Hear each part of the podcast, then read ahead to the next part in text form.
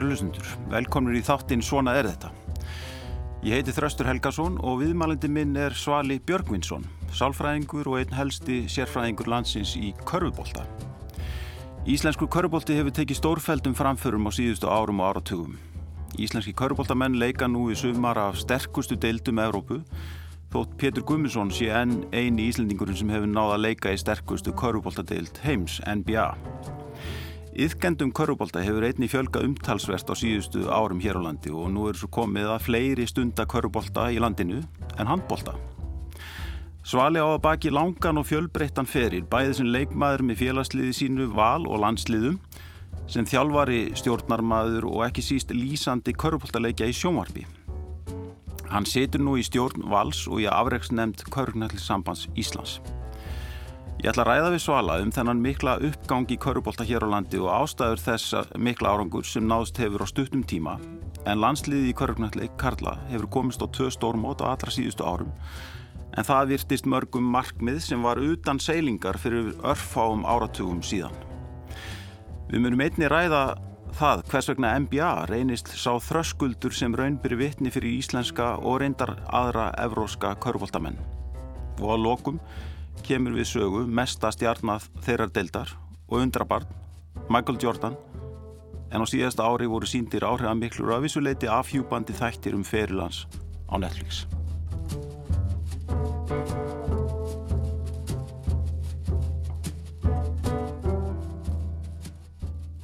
Svali, velkomin í þáttinn. Takk fyrir kjærlega og til hafmyggjum bara glæslega þátt. Takk fyrir.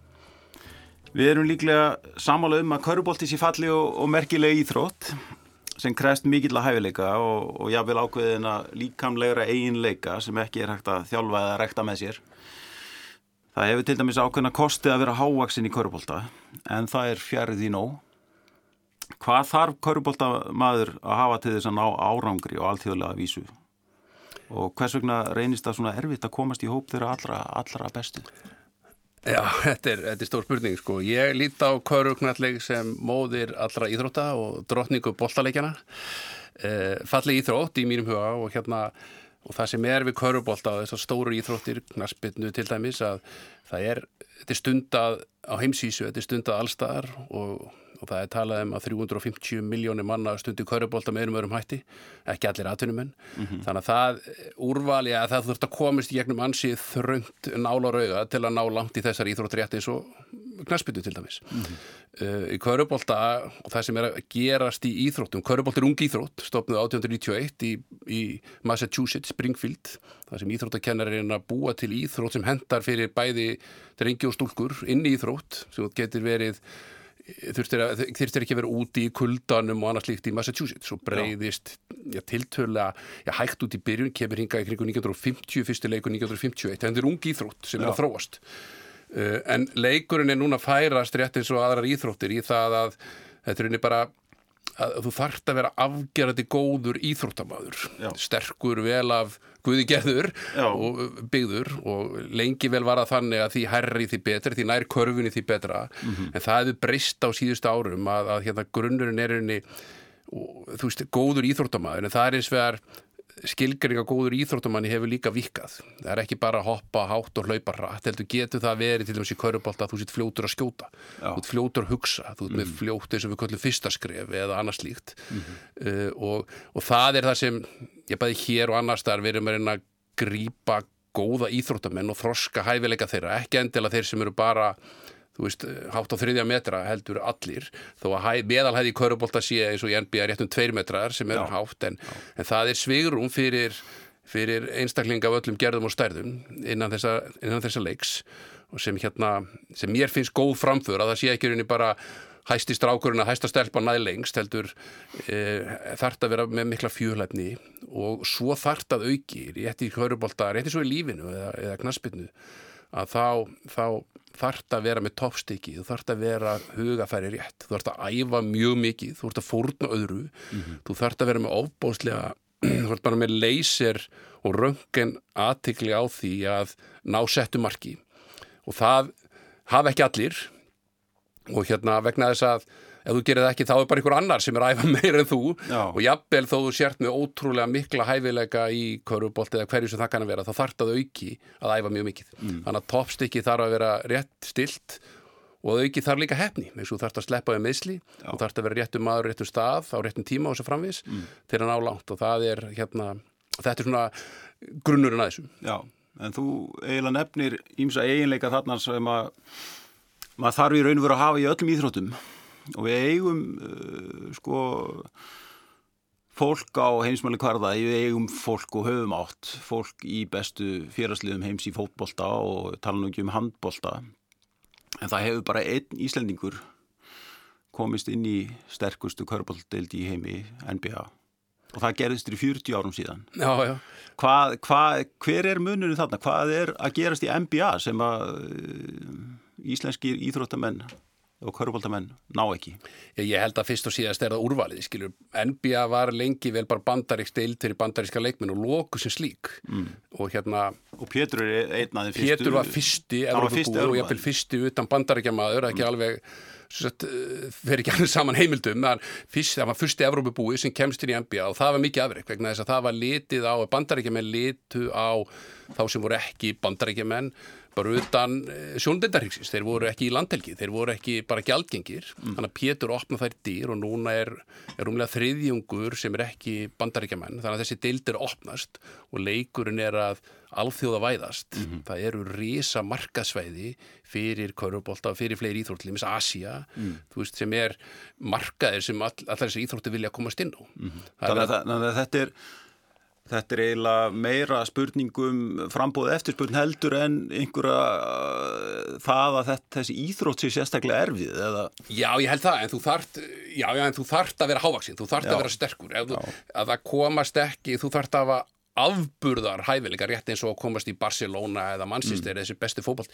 þá er ekki nóg bara að vera góður í fókbalt, það er ekki mm. nóg að vera góður í fókbalt þú ætti að hafa afbrags hæfileika og í mm. NBA eru 30 lið, það er cirka 15 leikmenn í hverju liði það eru kannski 69 leikmenn sem koma hverju ári, en þetta er þröngur hópur þetta er, Já. þú ert, ert komin í úrval svo ert komin í úrval, svo ert komin í gegnum nálarauga þegar þú ert komin í gegnum það úrval sko þannig að fáir hafa komið stað og kannski þessir hæfileikar sem við höfum, til og með skot og annars líkt er verið að leita meira eftir núna heldur en var þá, þegar það var einhverju hæð kannski eða það skipti raunverulegum máli, mm -hmm. þannig að að ég, þú veist, vonandi stittist í það að, að næsti leikmaður komi eftir Pétri, Jón Arnum var að mála við Dallas Mavericks á sínu tíma Já. en komst ekki að í, í alvöru keppnisleiki. Það, sti, það stittist í það, verður annar Íslandingur NBA-leikmaður og því fleiri sem stundar leikin hér e, þá e, stittist í það að verður íslensku leikmaður sem spilar í NBA og vonandi líka stúlka sem spilar í WNBA Já. vegna þess að það er stór deil líka sem er hérna mjög eftirsoknavert að spila í. En það er svo sem engin dani þarna eða er eitthvað svíið þarna til dæmis? Það er finni, það er finni, finni í NBA, já. Já, þannig að Norðurlandabúar hafa komist í NBA en, en hérna og, og lýrunni frá fjölmörgum þjóðum, en auðvitað eru eh, sköpun mannsins er ólík þannig að sumir fæðast bara við afbæras hæfileika til að stunda kaurubólta uh, tökum Jordan eða Lebron sem eru, ég efast um að þessi mennsi er búin til einhver staðar að kvöldi til þú veist, við heðlilegar aðstæðir þetta, er, eru menn sem Kári Stefánsson eða einhverju slíki kallar hafa búið til í einhverju tilröðnagrössum sko. þetta, þetta er náttúrulega ótrúleir íþróttahæfileikar sem þessir einstaklingar hafa og það eru aðeins ólíkir í körbolt eða golfi eða mm. þú þart að hafa sprengikraft, þú verður að hafa veist, mikinn styrk til að vegna þess að annars ertu bara einangraður og, og þú hérna og verður aðlátusefni frekar heldur en þáttakandi í leiknum. Við komum aðeins betur að NBA hérna í lok þáttarins og, og, og, og eigum eftir að tala um alþjóðlega kvörubólta meira en, en það hafa orðið miklar breytingar á íslenskum kvörubólta síðustu 40 ár, síðustu 10 ár ég vil bara e, og ég nefndi hérna í engangi að kvörubólta yðgendur hafi aldrei verið fleiri hér á landi en akkurat núna og, og þeir eru fleiri núna heldur en, en handbóltaðið sem að uh, teljast nú fréttir uh, hversu margir stundar hverjabólta á Íslandi nú og, og hver hefur svona þróun verið síðust ár? Já, þetta hefur verið bara frá því ég byrja að lýsa, þegar ég er að byrja að lýsa þessu leik á síðustu held í lók síðustu alltaf, þá er þetta jaðaríþrótt, þannig að ég var að bara tala við vini mína, mm. þú veist, og við gotum verið mjög tæknilegar í þeir samtali, En við settum snemma niður og settum okkur markmið og markmið, við erum ekki alveg búin að ná því ennþá vanandi fjölda en núna erum 8500 manns að stunda yfka kvörubólta með skipulegum hætti. Mm. Það eru talsett fleiri sem er að leika sér í kvörubólti í hátiðin eða, eða setjapartin eða hvernig sem það er.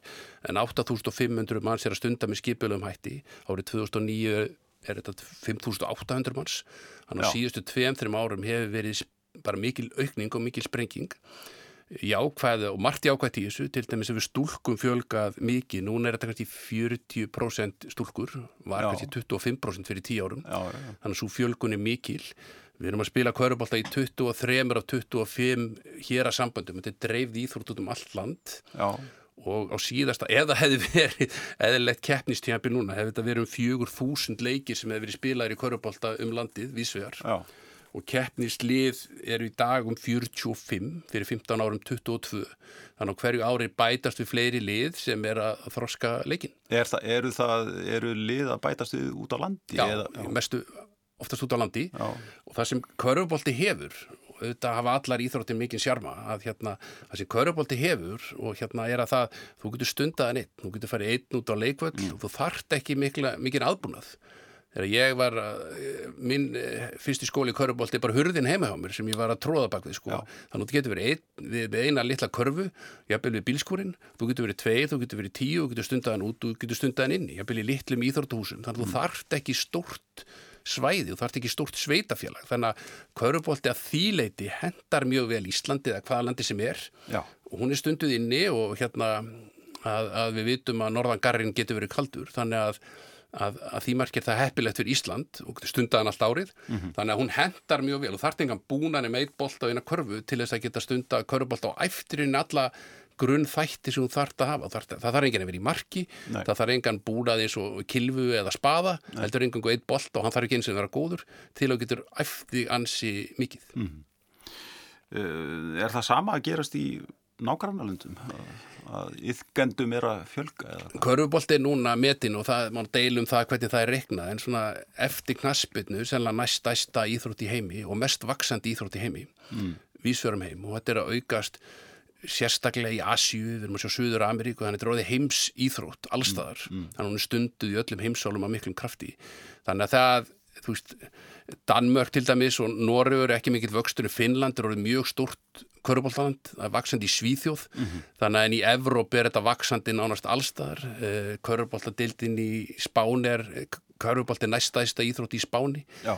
mjög vaksandi, mjög víða mm. en sérstaklega Asju þar sem þetta er að vera að tala um að 300 miljón mann stundi Körubolta með einhverjum hætti í Kína það er hansi stór hópur sko þannig að hérna talsett vinsættil með seldur um knaspina þar Já. þannig að hérna að þessi alþjóða væðing NBA sem söluvara Já. hefur tekist feikila vel og þeir eru farin að sjá þá eins og í Kína þegar Já Ming var að spila í NBA þá eikst áhorf verulega á leiki þar mm. þannig að það er markvist verið að reyna að breyða leikin út Já. og margar dildir sem eru orðan ansi sterkar og fjölgarunni árlega aðtunum hana dildir mm. en auðvitað er þetta tvískipt, þetta er annars vegar afreikstarfið og svo er þetta batn og unglingastarfið og þú veist og ég veit ekkert hvort kvörubólti hendar betur sem batn og unglingastarfið en það er mér finnst það frábær þróun að krakkar hérna á Íslandi hafa valmöguleika þeir geta valið að vera í knaspunnu, körubolt eða handbolt eða hvað sem hendar þeim mm -hmm. geta fundið íþórtu við hæfi mm -hmm. og við töluðum lengjum körubolt að, að kannski stelpur eða strákar sem eru stóru og kannski mögulega eitthvað klunnalegir í reyfingum og yngri árum að þá væri körubolti kannski grein sem hendaði betur heldur en knaspunna eða mhm. fimmleikar sko. Mm -hmm. svo aðri sem henda betur í fimmleika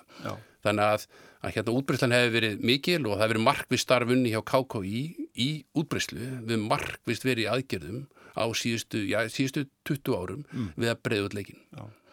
En sko svona á alltíðarlega sviðinu þá var uh, þá bara drottnuðu bandarækjaman yfir þessari íþrótt í ára tíu og þeir voru bara unnu öll mót. En það hefur breyst á síðustu á þessar öll sérstaklega.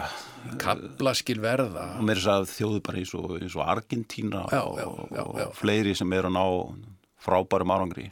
Kaplaskil verða sko 92 olimpíuleikunum í Barcelona. Það sem opnast fyrir að atur meðan frá bandaríkjunum komast á einu olimpíuleiki fyrsta skipti mm. og þeir senda þetta svo kalla drauma lið sko sem er og aðtikli sem það og ég bara hvet alla til að, til að skoða allir þættu um það lið, það er alveg ótrúlega aðtikli og var heimsviðburður. Mm. og sem sínir þá umheiminum hvernig að því Körubolti var svolítið lokaður í hverju landi fyrir sig að opnaði hversu langt er þetta á með sko markvísið þjálfun með sterku liði. Já. og þar fara bandarækjaman og, og valda yfir alla, fyrsti leikur um þetta Angóla, mjög frægur leikur sko. Þannig að þið skoruðu, þú veist, einhver 41 og annað slíkt sko. En, hérna, en eftir það þá fara aðra þjóður að taka upp þjálfunar aðferðir Já. og jafnvel verða á sumus viðum fremri heldur en bandarækjaman og fyrir körubált á Íslandi á 92 var bara, það var algjör kablaskil að við sáum bara, heyrðu, hvernig er þetta stundæðan leik, hversu langt er þetta ná? Já. það er þetta að nota vinstrihöndina líka og það er þetta að gera ímsa kunstir sem, sem ég og þú vissum ekki að væri hægt. Mm og sáum ekki blöðum sko, þannig að 92 eru kablaskil og kannski kringum aldamótin að þá eru mörglönd komin hans í nálat bandaríkun, núna kannski topp 10 bestu leikminn heims eru ábyggilega 5 utan bandaríkjana sko. Já. þannig að hérna bandaríkjaman er að sumuleiti orðnir ákveðinu þætti eftir bátar þjálfræðir sem er verið að nota allir með sér Evrópu, Argentínu og viðar sérstaklega var þetta skotækni og fjölbreytni og annað slíkt sko. Já, akkurat Hver er árangur Íslands í þessari íþrótt? Við, höf, við höfum náðu alveg eftirtekt að verðum árangri og bara allra síðustu árum Við komumst í úslakefni í Berlín 2015 mm. sem var algjörlega gegja þar er að spila mútið þjóðverum, við erum að spila mútið spánverum sterkustu þjóðum heims, Já. fyrsta skipti Já Það er eitthvað markvið sem við settum okkur strax á síðustu öld að komast ánga og svo 2017 komum við til Finnlands í sömu keppni mm. og auðvitað er maður eða við heimtufregu ætlum að komast þarna á hvert mót en það er náttúrulega kannski til full mikið sætlast mm. en þetta er okkar stæstu afrið á kvörubóltavellinum en þetta er í svegar þú veist auðvitað er þetta spurning þú veist hvað ekki með fyrst þetta mm. er ekki þannig að þú heimtar fyrsta árangur alltaf svo að láta íþróttuna vera útbreyta sko. þú verður fyrst að fá mikinn massa til að stunda leikin, hvort sem það er kvöruboltið annað. Mm. Þú verður að fá umgjörðin og utanumhald og innra struktúr í lægi áður og gerði gerð kröfum árangur og þetta heldust í hendur. Þannig að mikill árangur kalla líka að við sjáum bara í handboltanum að hver skipti í janúar þá fjölgar yfkvöndum í handbolta vegna þess að landsliðir á stormóti. Að, að þetta, þetta hjálpaði okkur mikið 2015 að komast til, til Berlín að mm. sína að þetta eru þetta eru tækifæri, þetta eru möguleikar á þessu risa sviði sem það er mm -hmm. því útbreyðsla á alþjóðlegum körubólta er gríðarleg mm. þó hún hafi ekki kannski verið mikil hér þannig að þetta, og vonandi í framhaldinu, við erum svo erum við fallið núna niður í reyla og erum í undan keppni og vonandi gengur það eftir nokkuð stóra markmið er alltaf að vera á þessum mótum, koma ungum efnilegum stúlkum og drengjum í atvinnumennsku það sem getur stunda íþróttuna fullum krafti til þess að eiga möguleika á mótis stóru þjóðum mm -hmm. Hvað skýrir þennan árangur? Er, er, hann, er hægt að finna skýringuna í skipula í íslensku íþróttalíf sem hefur nú stundu vakið aðtigli? Ég, þetta er mjög góð punktur og ég held það að sé hluti. Við erum mm. með, út rétt eins og öðrum íþróttum, erum að byrja með unga krakka, við erum að spila á læri körfur og við erum bara með hildi, við erum ekki bara í körfubólta, heldur hildi, við erum bara frábæra þjálfara fyrir yngri yfkendur, mm. algjörlega stórkóslegt skipulag. Mm -hmm. Og að því ég fylgist mjög vel með þessu annar staðar að þá ætla ég bara að halda því fram að við erum þar talsveit fremri heldur um flestar þjóður sko. mm. Hvað, að, hvað leiti? Ég við erum bara með færari þjálfara við erum með, þau eru að spila betri tímum þau eru að æfi betri íþrórdósum þau fá betri umgjörð, þau fá meiri kvartningu foreldra eru virkir þáttangundur inn í þessu mm. ef við tökum bandaríkin við að Breitland þá þarf það að þú veist að ég vil keira langa leði til að komast á æfingu það er á skrítnum tímum hérna erum við með börnin á í rauninni samflóti við skólastarf mm. uh, við erum með mentaða þjálfara, með hæfa þjálfara mm. Til dæmis í val og mörgum félagum þar sem við gerum náttúrulega kröfum að þjálfarin sé mentaður sem er að uh, stunda eða þjálfa börnin mm. ekki bara einhver fadir eða móðir sem þú veist hafði einhver tíman áhuga á þessu sko Já. þannig að mikil eftirfylgni að byrja að keppa með skipulegum hætti til dæla að snemma mm. þannig að krakkar fá feikila góð tækifæri svo hefur verið með markvist afreikstar þannig að krakkar koma að snemmast inn í einhvern landslýs umhverfi, fyrst stór hópur, svo mingar svo hópur. Við hefum sver höfum svolítið dalað í þessum alþjóðlega samanburði, kannski í aldernum 16, 17, 18, 17, 18, 19 ára. Já. Það sem úrvali verður kannski lítið, þar sem þú þart að fá kannski ennþá meiri keppni. Mm. Leikmenn hafa mögulega of snemma að fara að keppa með mistarflokkurum, sjáum til og með stúlkum kannski 16, 15, 16 ára stelpur að fara að keppa með mistarflokki. Já. Þannig að þú færð ekki keppni við jafninga nægilega lengi Já, og við erum að reyna að finna leiðir á því og þetta gerir smæðin og fæðin alveg til það sko mm -hmm. en, en, en, en framan að verum við með afbræðs góða umgjör fyrir íþróttir á Íslandi afbræðs og ekki er, bara í heldur helt yfir Já, er unnið með svona afreiks hugssjónina í, í þjálfun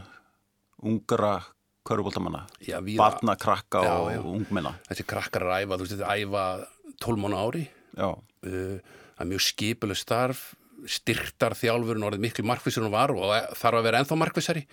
Uh, hugsun um líkama, það er ekki nóg bara að æfa, þú verður það að, þú veist, næring, svepp, þetta er farið að kynna krökkum strax við, þú veist, unga aldur, sko.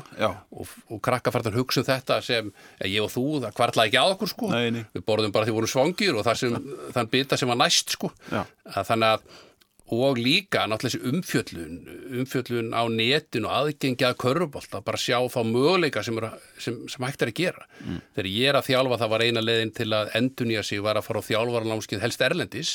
Og við ferðumst mikið til að fara á þjálfarnámskið að sjá til að læra nýjar æfingar, nýjar aðferði nú er þetta bara aðgengilegt að netinu þannig að með sko eins og hendis í veifa er þetta að fá nýjar aðferðir, nýjar nálgun. Uh, nýtt vítamin sem ég kalla sem er rauninni bara að sjá hvað þeir eru að gera. Þannig að þetta er allt annað. Og, og, þeir, og þau félag sem eru að gera þetta vel er að sinna þessu alveg gríðarlega vel. Það starf sem er unnið í íþróttum oftast af sjálfbóðaliðum þjálfar að fá einhver laun fyrir þetta ég held að þessi stórkostlega vannmyndið í íslensku samfélagi. Þetta er ofsalega stór fjöldarhefing það sem íþróttafélög hvort sem það sé fram K.R. Víkingur af Valur eða hvaða félagið út á landi er að taka við hópi batna hverjum degi eftir skóla og sinna þeim alveg feikila vel alveg gríðala vel að þetta er stórkostlega vannmyndið bæði fyrir sko hilsueflingu uh, fyrir félagsþróska og svo náttúrulega fyrir afreikstarf ef því er að skipta. Þannig að hérna veist, þetta er algjörlega eftirbreytni hvað þetta er gert víða vel. Já. og það eru staðið til mér eins og á flúðum algjörlega frábært starf í körubólta algjörlega frábært starf. Já, það sem í rauninni einn einstaklingur tekur hérna heilt sveitafélag og, og gera vel forlóksöfn og fullt af stuðum algjörlega magna starf sem er unnið sko. akkurat. Sko, þú nefndir auðvitað fólksfæðina sem er kannski stærsta áskorunin eða hvað.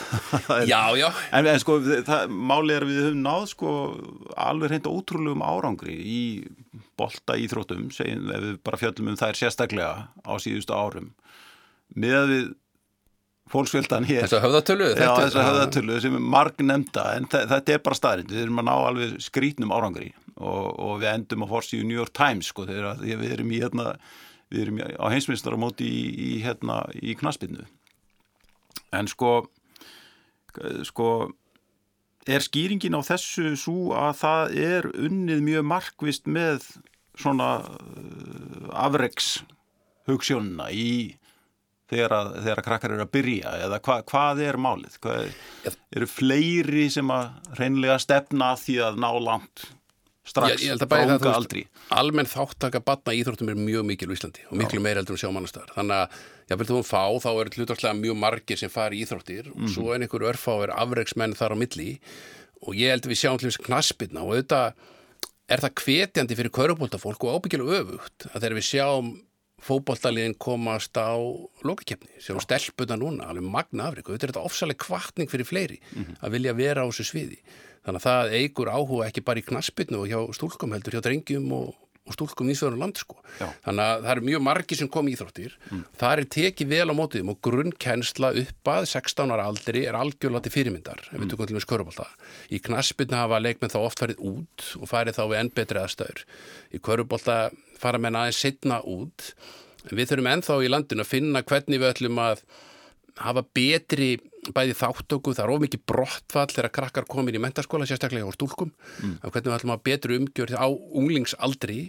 Og til dæmis núna er það mjög sárt og ég hef fullan skilning á því að krakkar á aldrinum 2004, 3 og 2 fá ekki að æfa íþróttir því miður. Já, já, að hérna og ekki fara í skóla heldur að hérna þessi aldurshópur að við þurfum að halda betur út um hann í körubólta og fleiri íþróttum til þess að ná ennþá lengra því þú færð í hverjum, ef þú fær afreiksmann, einn afreiksmann í hverjum árgangi þá ert á góðum stað Mm. Já, já. einhvern afreiksmann sem er þá að stefna á, hæstu stíg Mhm. að það er unni þróun og í körubólta þurfum við að vera svolítið heppin það er ekki nóg að hafa einn afreiksmann það þarf að í tólmanaliði þurfa tveir að vera talsveit yfir tvo metra já, og, og samkvæmt einhverju normalkurvu fræðum þá þá, þá ertu þá komin einhver 1,5-2 staðal frá ykkur frá normi þannig að það fæðast að vera við 2 metra fæðast til að fáir bara hverju ári sko. Já. og þeir þurfa að hafa áhuga íþróttum og þeir þurfa að hafa áhuga körubólta og þurfa að hafa líkanlega færni Já. þannig hefur við til dæmis markvist í nokkur skipti bara ferðast á landi og finna stóra leikmenn mm. Ég fór eins og landið á svona döðrum og ef við sáum hávaksin einstakling kallið að konund í búð eða sjöppu kjörpu þá spurðu áttu nokkuð börn. Og svo þegar ef svarið var já ok, hvað gerir við komandi þannig að við nánast rákum nokkra hávaksna krakka í körubólta Já. bara með því að, að út frá genetísku fræðum að finna hávaksi fólk sem átti mögulega börn sko. Já, já, já. þannig að hérna að á þess að við ætlum að fara í undaneldi en þá hérna þá erum við líka að reyna að finna þessa hávakstu krakka við þurfum í körubólt að hafa í tólmálið tvo hávaksna til þess að geta hjálpað þeim sem læri eru Já, einmitt. Hvað með íslensk félagslið? Svona eru þau samkeppnishæf á alþjóðlega sviðinu? eins og staðin í dag ekki Nei. Er höfum það ekki- vegna út af hverju? Já, það er sama bara fæðin og þessi bestu leikminn fara erlendis blessunulega og er rétti svo í knaspinu við sjáum að knaspinnan hefur líka á síðust árallum í Európa-keppni verið bara í miklu basli mm. Þetta er ekki full atvinnudeild þannig að bestu leikminni fara erlendis. En það mun gerast hægt og rólega. Ég fullvisum að því við verðum ekki að keppa við bestu félagslið heimi í, í, á félagsliðum rétti eins og vantarlega ekki í knaspinu út af því að þetta er alheims íþrótt. Það sem er vandræði við körubólta rétti svo handbólta er að, að það eru ekki eins miklu peningar sem hríslast niður frá stóruliðunum -hmm. Þannig að það er engar uppeldispætur til dæmis að frábært liðið svo K.R. sem hefur alveg upp Jón Arnur Stefánsson hefur alveg Martin Hermansson þeir fá ekkit fyrir það að selja þessa leikmenn til stæðstu félagsliða rétti svo er í knaspinu þannig að hvatin kannski að, að framleiða, ef við notum það orð góða leikminn er ekki smikið til þess að fótbolta, mm. þessi félagsliðin fá uppeldisbætur Já. og ef þú kaupir leikminn þá fær heimaliði sára lítið fyrir það mm. Og það er mikil barátt innan köruballins reyfingarinnar að, að leiðrætta þetta. NBA-liði sem myndur kaupa Íslanding íslenska liði fær ekkert fyrir það. Fyrir og það er galli. Þetta, þú veist, allar þessar æfingar og allar þessi, mittnaður þarf að fjármagna með einhverjum hætti. Mm. þannig að hérna, en félagslið er ekki núna samkeppnishæfið við stóru lið í Evrópu. Nei, en, en auðvitað stefnum við þangað, það er skýrt. Já. Þú nefnir uh, þetta afreiksfólk okkar sem að, uh, hefur í síðauknum mæli verið að fara Erlendis og spila þar og, uh, og við nefndum hérna í uppæði Pétur Guðmundsson sem er líklega okkar mesti afreiksmaður í þessari íþrótt. Er Já, ég lít svo á, auðvitað má deilum það en, en sko Pétur því miður, sko, Pétur er á undan sinni samtíð, sko, Já, að hann fekk ekki viðikynningu hér á Íslandi fyrir það afreg sem hann náði að vera fyrsti leikmaður í NBA hann var aldrei kosin íþróttamaður Íslands. Já, hann fyrir í fræðarhöllina, blessulega bara leið og hún opnar, þá áttuðu menn sig á, í mínum huga að, að, að menn litu fram hjá árangrars, að hérna vera fyrsti Evrópubúi í þessari deild þeirra bestu, er ótrúlega afreg, vegna þess að þú þurftir að gangi gegnum gler og, og brjóta allskis veggi til að bara koma þar til greina já. Og þarna var bara eh, svona einhver vanþekking, það, sem sé, það, mm, fólk var ekki almennt að fylgjast með því sem var að gerast í NBA Já, tíma bara og þekkti ekki deildina. um starðagráðuna sko. Bjarni Felixson byrjaði nú að sína NBA á, RÚF, er 84 Já. Og þar sá maður þetta í fyrsta skipti en, en Pétur er valanda Portland Trailblazers Já. og stendur því þar bara ljómandi vel 1981, eða ekki? Já, og svo, og svo sfer hann til Los Angeles Lakers Mm. eftir meðsli þar og spilar einu frægasta liði sem Lakers hefur átt Já. með Magic Johnson, með Karim Abdul-Jabbar sem er stigahæsti leikmaður frá upphafi, Karim og á þar fín tímabil, Karim segir í bóksíðin að Pétur sé besti vara miðherji sem hann hefur haft Já. og það eru, Það eru orð. rosalega orð Já. að hérna þannig að og svo fer Pétur til San Antonio Mm. og hérna og stendur það að vera í byrjunlið á mörgundur leiki í NBA þannig að afreg Péturs eru, eru feikilega mikil Já. og hérna og, og rutti leiðina fyrir ekki bara Íslendinga heldur fjölmærk aðra um að þetta sé ekki loku deild fyrir aðra heldur en, en bandarækjumenn Já, en síðan varð eiginlega nokkur byð á afreikum, má segja. Það er eiginlega ekki fyrir með Jóni Arnóri Stefánsinni sem eitthvað fyrir að gerast í byrjun þessar aldar. Eh, Ég maður rétt og svo hefur orðið eins konar sprenging á allra síðustu árum með Martin Hermannsinni, Hauki Helga Pálsinni og núna síðast Tryggvar Hlina sinni. Er þetta ekki rétt mynd, svona nokkurt veginn? Já, þetta er bara frábær mynd. Ég meina, Jón er afbrags íþróttamæður Jón er eitt besti íþróttamæður sem Íslandi verið aðlið það er bara þannig. Mm. og kemur af sterku íþróttakyni heldur betur. Mm. og hérna mjög sterku, hann er íþróttamæður Íslands 2014 en afreg hans eru líka miklu meiri heldur en margi gera sig greinfirna, spilaði með mörgum að sterkustu félagsliðum Európu, var hátt mm. skrifaður í Európu fyrir Kaurubólta, frábær varnamæður, einstakur íþróttamæður mm. þannig að hann, rutti leiðina fyrir, hann opnaði líka dýr fyrir Kaurubóltan við Já. horfum mikið til Jóns og í öllu okkar afregstarfi erum að tala hvernig getur við rinni framleiti eða búið til menn eins og Jónskilur því við munum aldrei treysta á að séu 10-20 metra menn, það bara uh, út af fæðin enn og eftir útilokað. Þannig að Jón opnaði dyr fyrir marga, hann er núna miðla, hann enn að spila, Já. hann er að miðla þekkingu til yngri manna og gera það vel, vegna mm. þess að þekking sem svona einstælingur hefur haft, hafa spilandi erlendis allan að tíma, er gríðaleg. Mm. Þannig við erum að reyna að, hérna, finna leiðir bara til að koma þeirri þekkingu til yngri manna. Martin kemur svo mjög kjölfarið, hann er í tvö orður og núna búin að vera annar í val íþróttamæður ásins. Já. Eftir frábært áhrif á Söru, alveg geggjað verðskuldað er hún íþróttamæður ásins Martin verður þar í öðru seti eins og í fyrra. Já. Hann er að spila núna í val ansja sem er eitt af bestu liðum á Spáni. Spáni mm. er næst besta dild í heimi. Mm. Í mínum huga er Martin nægilega góðu til að spila í NBA. Mm. Uh, hann er dæmum íþróttamann sem er ekki, gerir þetta ekki á, veist, á líkalum styrk á að hoppa hátt mm. heldur á klókjundum, hann er snjall, hann er klár hann er með frábært skot ofsalega skinnsam með drengur mm. þannig að, að hérna e, hann hefur tekið eftir að hann fer til Brooklyn spila þar í háskóla í tvö ár mm. að, hérna, og svo hefur hann tekið fer til Fraklands, fer til Þískalands og til Spánar og alltaf vexan við hvert skref Einmitt. sem er ofsalega áhugavert mm. hann alltaf hann tekur tvö skref upp í gæðum, það er að segja deildirnar og alltaf verður hann bara aðeins betri, aðeins betri, aðeins betri. Mm. Þannig að hans nafn er orðið stórt í körbáltæminum mm. og hann er núna sá leikmaður sem er fremstur allar af íslenskum gæðum. Mm. Svo er Haugur Helgi að standa sér frábælega líka á spáni. Mm. Er náttúrulega bara undrabann. Já, það er svona ævintýri eiginlega. Já, þetta er algjört ævintýri sko og hérna hans saga á ekki bara að gera snjalla útvarstættum heldur sko heimildamindir mm. í fleirtölu. Það eru fjögur, fimm ár síðan hann byrjaði að spila körbólta. Já, þegar sko hans jafnaldrar eruðu norrandamistrar í körbólta þá var hann ekki byrjaður. Nei. Þá var hann bara sinna fjósastörfum Já. í eigafyrðinum og hérna Ágúst Guðmundsson frábær einstaklingu sem fjallnúvísu frá núna 1. janúar og blessið minning hans Akkurat. skilaði frábæri starfi fyrir körbólta er unni bara sækjarinn í sveitina sko. Já. Stór drengur, 2 og 16 og hefði verið duglur í sundi og frjálsum og gætt hreift sig Já og ég maður eftir fyrstu leikjunum þar sem hann er að spila þá voru dómarætturinn í samlega því sem hann er að keppa að kenna hann leikarklunar mm. en aðlugun hans og uh, lærdómshæfni í körubólta er frábær mm. og hann er að spila hann betur og betur með hverju ári það er erfitt að vera að hafa sín það er erfitt að vera 2.16 vegna þess að í þeir finnst öllu finnst að þessir einstaklingar er að taka öll frákust þeir eru að skora alltaf, þeir eru alltaf að tróða þú ert, þú ert útlægi öllu.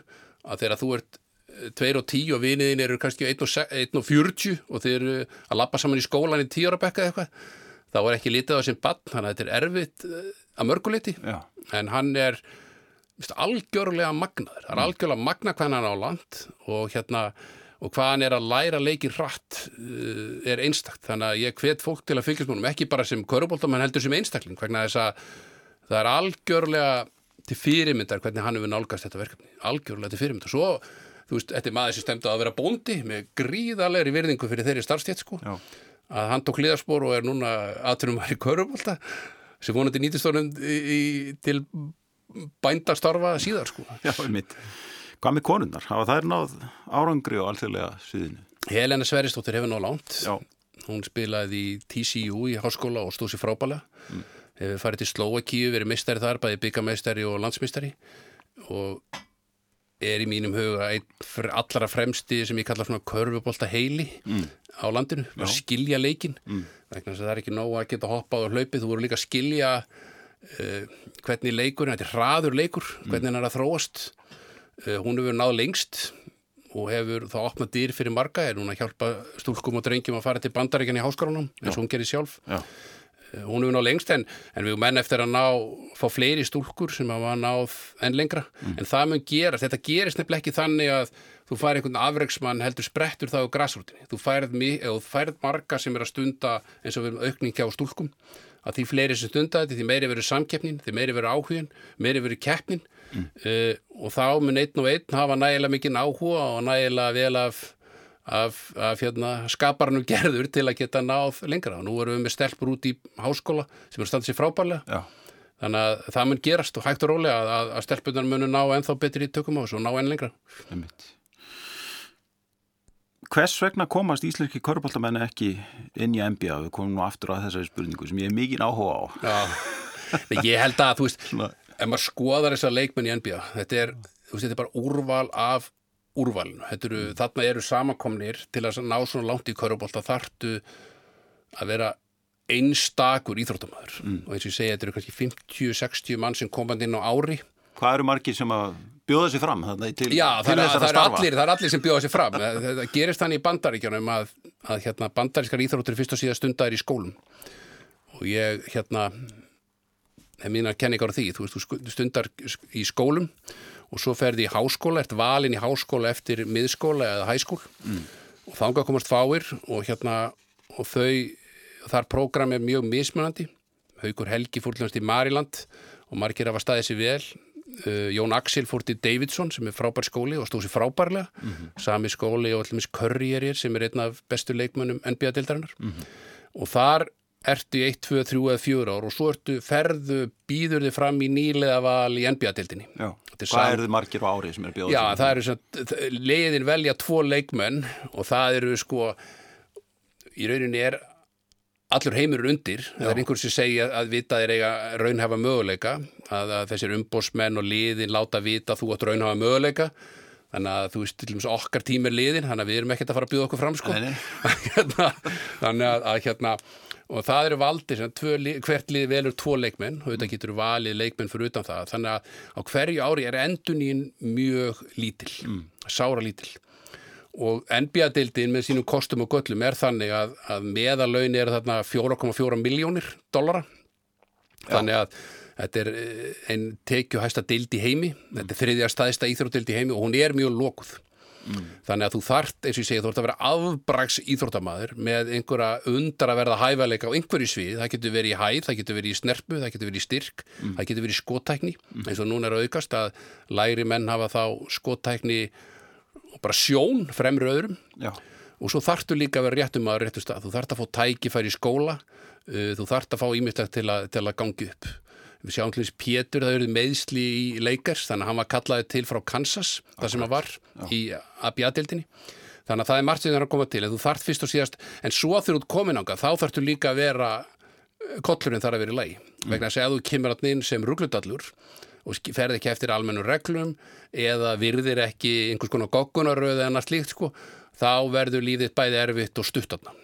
Þannig að hérna, eh, og vonandi með því núna að, að körubolti að vinsældir aukast á Íslandi og það sem er náttúrulega stóra markmið allar íþrótt er að fá uh, bestu íþróttamennina inn í sína íþrótt. Þannig að þegar við fáum uh, krakka sem eru miklu íþróttamenn hafa mikinn áhuga að þá geta við hjálpa þeim að, að hámarka uh, innvinna afkvöss sín og þannig möguleika að komast í NBA en NBA líka þú veist, launadreifing það er ekki mikil jöfnuður í þessu. Þeir sem er að fá hæstu launin þannig er að fá kannski upp í 50 miljónir dólar á ári sem er algjörlega fáránleg tala fyrir einn einstakling hvort sem það er í körubólta eða hverju sem er. En leikmenn kannski sem er að koma að hinga til Íslands eru kannski á uh, veist, þessir bestu leikmenn eru kannski á 2-3 þúsund sinnum hærri launum sem er náttúrulega algjörlega galið sko.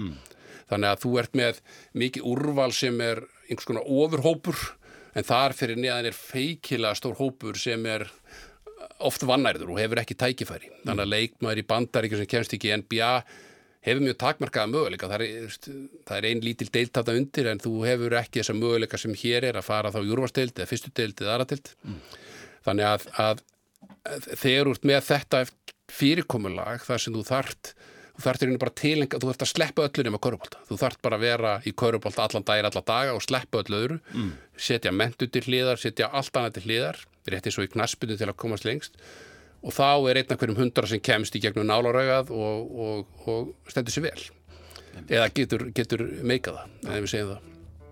En þar eru, þú veist, ég held því fram að þarna sé samansapn af bestu íþróttamönnum í heimi. Það er bara þannig.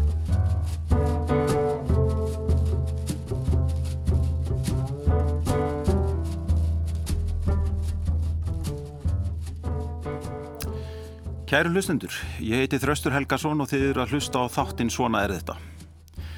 Gestur minna þessu sinni er Svali Björgvinsson, sálfræðingur og einn helsti sérfræðingur landsins í Körfubólta.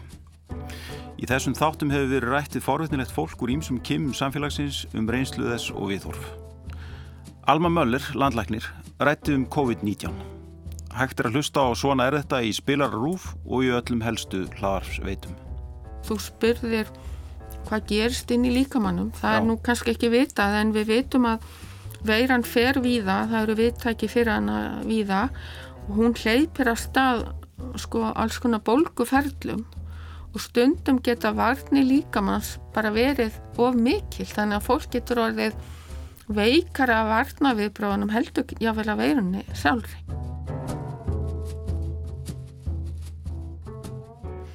Svali, mig langar til þess að ræða Michael Jordan hér í lokin uh, mannin og góðsögnuna sem var umfyllunarefni þáttaræðinar The Last Dance á Netflix á síðast ári og nú við vorum báðir svo hefnir að vera ungi körpultamenn þegar ævindir þessa manns hóst á nýjund áratögnum og það er eiginlega ekki hægt að lýsa þessu með neinum öðrum hætti.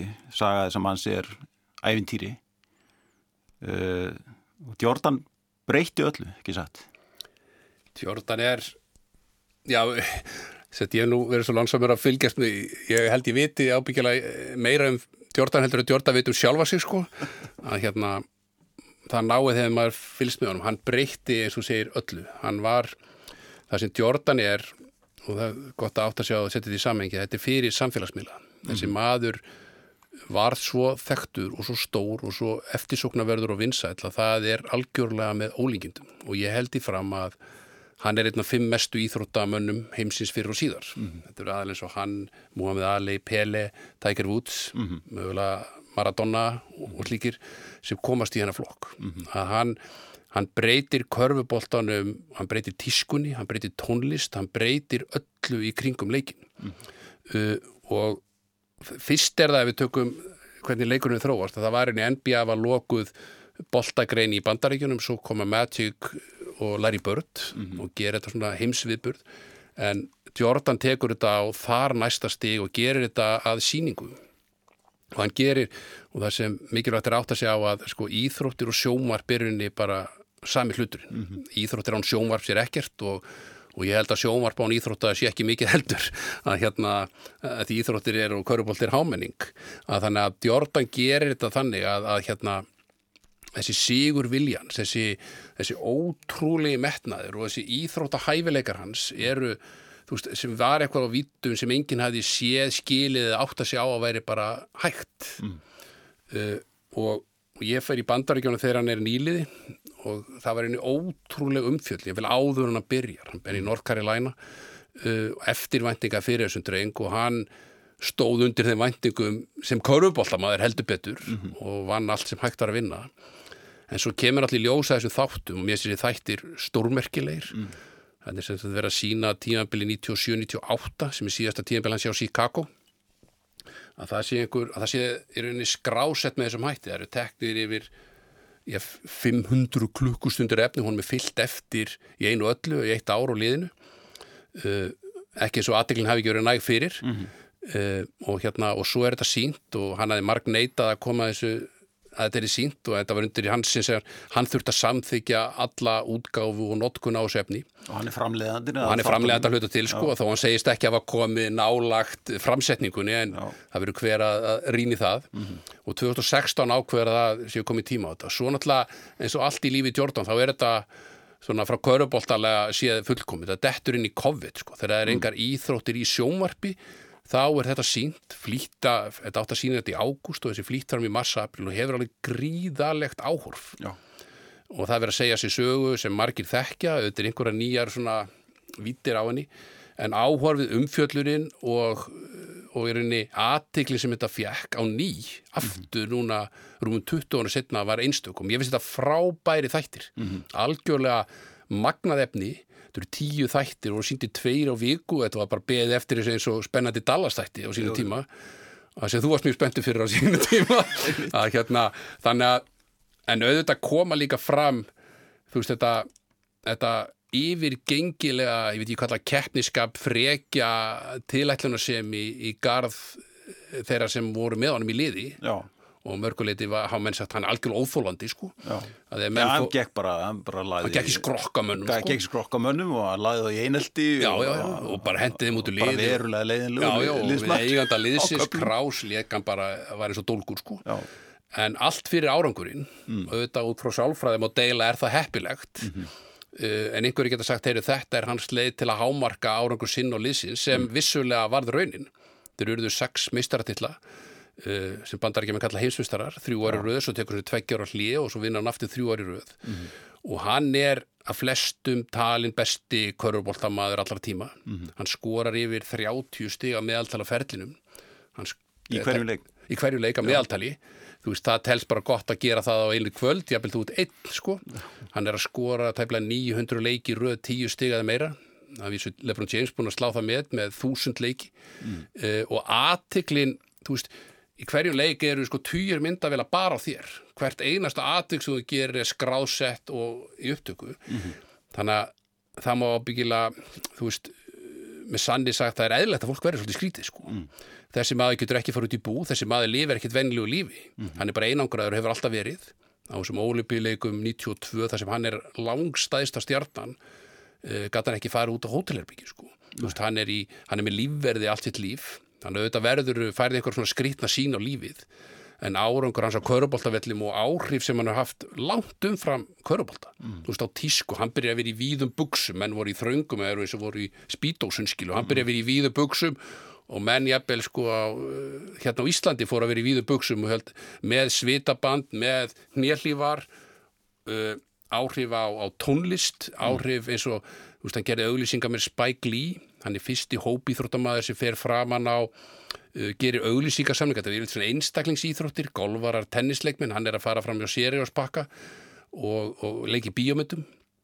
Þannig að þú veist, geta hans á köruboltavellinum og í rauninni líkanlegt atgerfi er, al- hann er bara hann er búinn til sem köruboltamöður hvernig jafnvægispunkturinn er, hvernig krafturinn er. Hann fóbrotnar einu sinni annars meiðist hann eiginlega ekkert sem þarf, þú þarf að vera mjög heppin til þess sko, Já. Með þetta álag sko. Og, og þetta keppniskap sem kemur fram í þessu myndum, hann verðist alltaf þurfa að finna sér einhvern andstæðing sko. Mm. hann verðist alltaf þurfa að finna einhvern og ef þú hann þú- það á ólíklustu stöðu Já, já, og ef þú neygiði vittlust þá ertu orðin anstæðingur hans og hann ætlar í næsta leik að sanna eh, eitthvað fyrir þér sko. og það sem ég það sem ég vist mikill löstur á hans, hann hefur, ég hef aldrei heyrt hann rósa nokkru manni, Nei, hann hefur aldrei sagt, þú veist, eitthvað já, nema um Kobe Bryant-urinn eftir hann deyr já, hann hérna heldur það mjög tilfinninga þrungna ræðu, en hann hefur aldrei um þess að eftir menn sína eða jafnvel þá sem spiluðu með honum, hann har aldrei sagt þetta var frábær maður, hann er alltaf, hann er alltaf í samanburði við sjálfan sig sko. ég er á stalli 1, svo koma þeir kannski á stalli 2, 3, 4, 5 sko. Já. þannig að það er náttúrulega ég held að lífið sjálf er rosalega flókið ef þú ert alltaf í þessari keppni við allt og alla sko. Já. Það held ég að sé sko, ef við tökum svona uppeldisfræðilega, sálfræðilega þetta, ætti fólk að forðast þetta alla daga, allan daginn sko. Já, en hvaðan gat sko, tekin að leiklánt, hvað hann áða að lifa með þessari aðtikli og fræð og hvað fræðin var mikil og þurfti ekki að vera að blása sig út á samfélagsmiðlum þú veist, með slæm og illu byrtand af sér myndir, að þá var um allan heim og ég hef, ég hef sagt það áður í vittunum, ég hef ekki hitt einstaklega ennþá sem veit ekki hver Michael Jordan er. Nei. og ef það er eitthvað sem hlustar á þátt sem veit það ekki byrði ykkur að senda mér skilaboð vegna þess að það langar mér að hitta ykkur sko, bara síðan eitthvað mynd á honum vegna þess að heimsfræð hans er algjör. Og hann er e, þú veist hann hefur tekið eins og segja ekki bara íþróttir heldur uh, tísku og gerði tísku og íþróttir af sama hlutum í rauninni sko. Akkurat ég menna eins og nægfatnaður er orðin hátísku fatnaði núna í staðin fyrir að vera einhver íþróttaskór.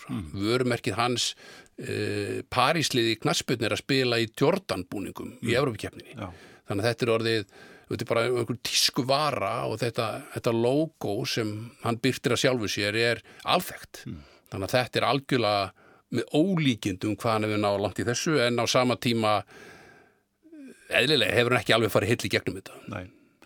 Það er- verður nú kannski seint annar Jordan, en, en það eru samt sem áður ótrúlegir íþróttamenn í þessari deild en í dag og er að koma fram. Bara eins og gríska undrið sem að gerði einhvern ótrúlegasta samning sem að um getur bara fyrir nokkrum vikum síðan Þannig að það streymir þarna inn alveg ótrúlega tæfileika fólk, ennþá. Já, það sem er náttúrulega, og svo, sem, svo fellur mér oft í þá grefi að við komum til þar að vera eins og Jordan, næsti mm. Jordan vera eins og Jordan, svo koma aðilar eins og Janis, þetta gríska undur, sem er alveg upp í sári fátakt í Greiklandi, mm. sári fátakt, og sögur að því hann er að ferðast kannski upp í tæpa tvo tíma á æfingu og kemur svo heima kveldi og fær þá fyrstum áld í dagsins um 11 kveldi. Mm.